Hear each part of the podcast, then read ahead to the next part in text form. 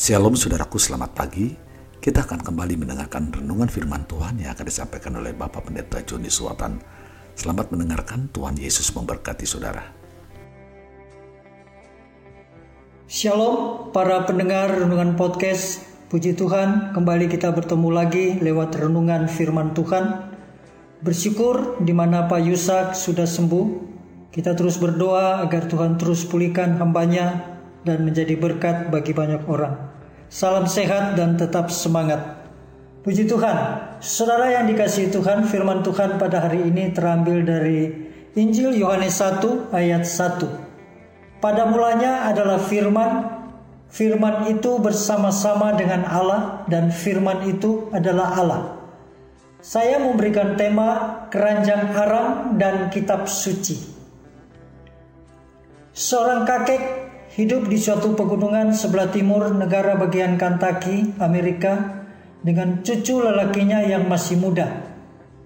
Setiap pagi kakek bangun lebih awal dan membaca Alkitab di meja makan di dapurnya.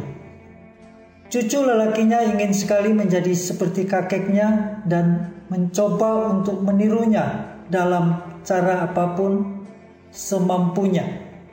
Suatu hari sang cucu bertanya, "Kakek, Aku mencoba untuk membaca Alkitab seperti yang kakek lakukan, tetapi aku tidak memahaminya, dan apa yang aku pahami aku lupakan secepat aku menutup buku. Apa sih kebaikan dari membaca Alkitab? Dengan tenang sang kakek dengan mengambil keranjang tempat arang, memutar sambil melobangi keranjangnya, ia menjawab, Bawa keranjang ini ke sungai dan bawa kemari lagi penuhi dengan air. Maka sang cucu melakukan seperti yang diperintahkan kakek, tetapi semua air habis menetes sebelum tiba di depan rumahnya. Kakek tertawa dan berkata, "Lain kali kamu harus melakukannya lebih cepat lagi." Maka ia menyuruh cucunya kembali ke sungai dengan keranjang tersebut untuk dicoba lagi. Sang cucu berlari lebih cepat, tetapi tetap lagi-lagi keranjangnya kosong sebelum ia tiba di depan rumah. Dengan terengah-engah ia berkata kepada kakeknya bahwa mustahil membawa air dari sungai dengan keranjang yang sudah dibolongi. Maka sang cucu mengambil ember sebagai gantinya Sang kakek berkata, "Aku tidak mau ember itu. Aku hanya mau keranjang arang itu. Ayolah, usaha kamu kurang cukup."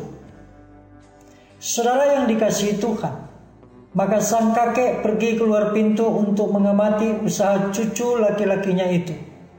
Cucunya yakin sekali bahwa hal itu mustahil, tetapi ia tetap ingin menunjukkan kepada kakeknya Biar sekalipun ia berlari secepat-cepatnya, air tetap akan bocor keluar sebelum ia sampai ke rumah.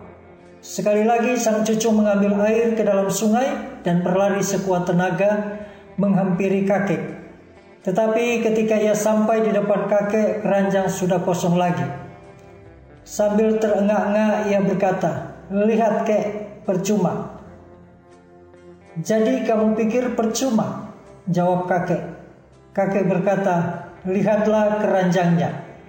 Sang cucu menurut melihat ke dalam keranjangnya dan untuk pertama kalinya menyadari bahwa keranjang itu sekarang berbeda.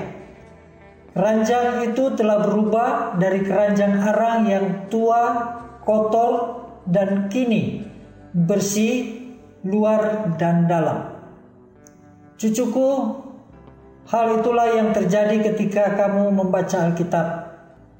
Kamu tidak bisa memahami atau ingat segalanya, tetapi ketika kamu membacanya lagi, kamu akan berubah luar dalam. Itu adalah karunia dari Allah di dalam hidup kita. Saudara yang dikasihi Tuhan, maukah saudara berhasil Mazmur 1 ayat 2 dan 3. Tetapi yang kesukaannya ialah Taurat Tuhan dan yang merenungkannya Taurat itu siang dan malam. Ia seperti pohon yang ditanam di tepi aliran air yang menghasilkan buahnya pada musimnya dan yang tidak layu daunnya. Apa saja yang diperbuatnya berhasil. Dalam kondisi apa pun, Tuhan mampu membuat kita berhasil. Karena kebenaran firman Allah adalah janji-janji Allah untuk digenapi kepada setiap kita orang-orang yang percaya. Itu sebabnya tetap kuat hati dan teguh karena Tuhan ingin memberkati saudara. Haleluya. Amin. Sampai jumpa esok hari.